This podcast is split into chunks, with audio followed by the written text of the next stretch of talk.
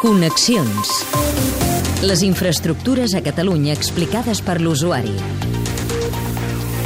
Amb Joan Garcia. Avui un Connexions diferent amb uns usuaris especials. Acompanyem el doctor Juan Carlos Palacio i l'Eduard Iglesias, que és tècnic d'emergències sanitàries eh, i que es passen moltes hores a la carretera quan són de servei al SEM, el Sistema d'Emergències Mèdiques, que és un servei integrat per un equip de professionals per donar resposta a les urgències sanitàries extrahospitalàries. Som a la base de l'Hospital Josep Trueta de Girona. Doctor, si no eh, rebem cap avís, eh, què farem ara?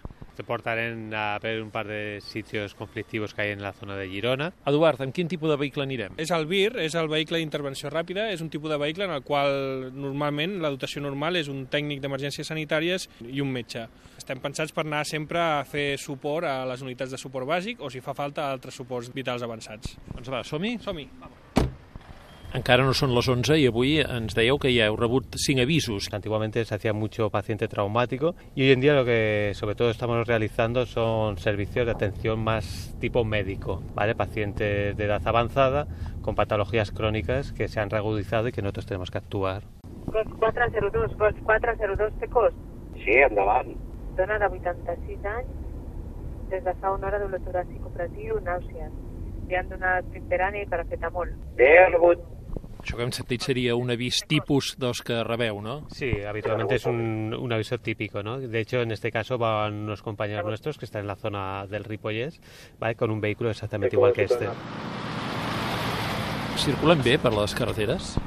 Bueno, jo crec que mica a mica amb el temps la gent va aprenent una mica a conduir d'una manera una mica més segura, no? Sí que és veritat que encara continues trobant casos de gent que fa una conducció molt agressiva i a més, però jo crec que cada vegada menys.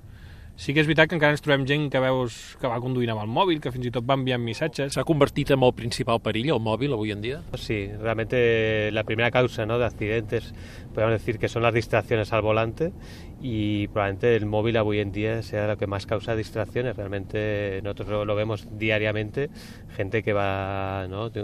con la conducción, como comentaba, errática y es probablemente cuando pasas al lado de ellos ves que están ¿no? o mandando mensajes o hablando por el móvil. Quines altres coses fem malament?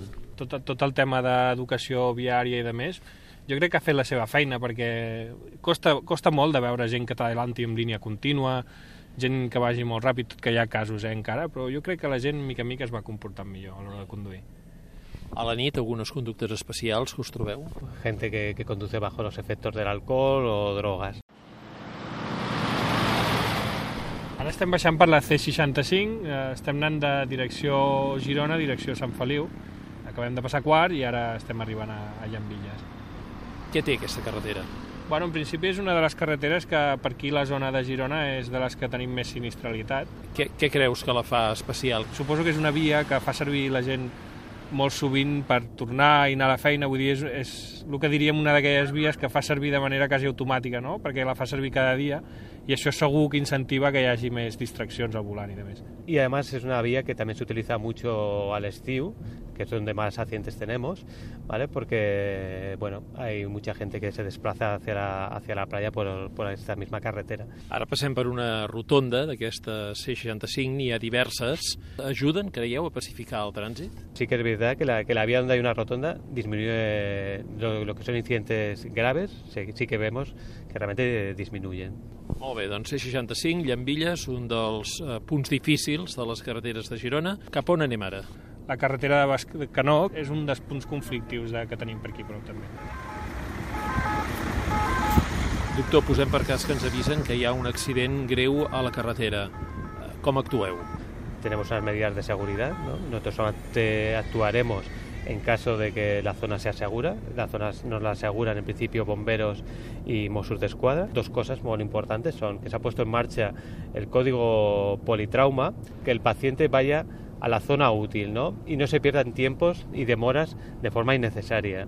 Y una de las cosas muy, muy importantes es la asistencia psicológica a, los familiares, incluso a los afectados en accidentes greus. Cuando bueno, hay un accidente con una defunción, la noticia en principio antiguamente se daba solo por, por los servicios Mossos de Escuadra, policía, y hoy en día se hace tanto por los Mossos de Escuadra como el equipo psicológico del SEM, Creo que esto es fortalecer la asistencia sanitaria, ya no solo desde el punto de vista médico ¿no? del paciente traumático, sino de, del global, ¿no? de la familia y del paciente. De hecho, a veces los psicólogos nos dan también asistencia ¿no? a nosotros psicológica, después de un accidente greu donde vas que hay varios heridos, que hay varios muertos y sobre todo si las víctimas no son víctimas infantiles.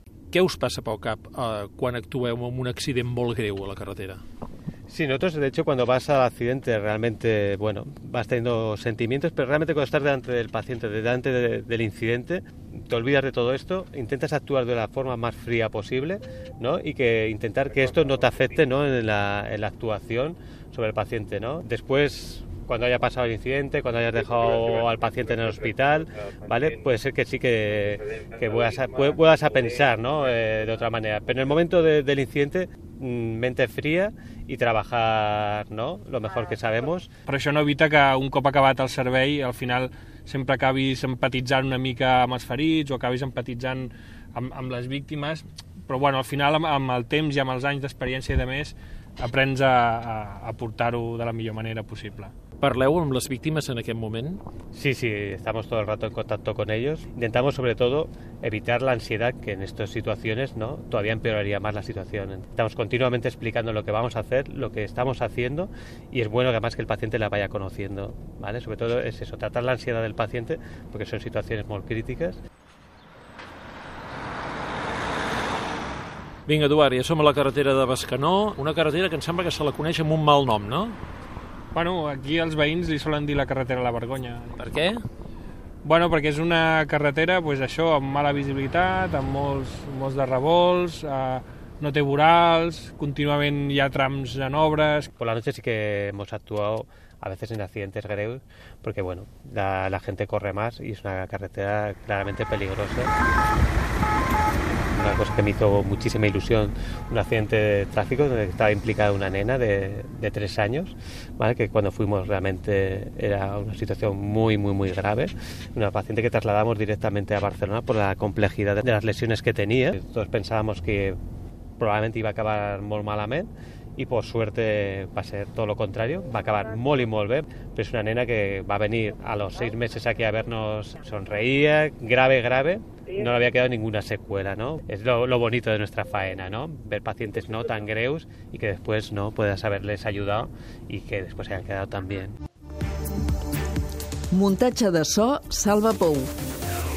Connexions. Disponible en podcast.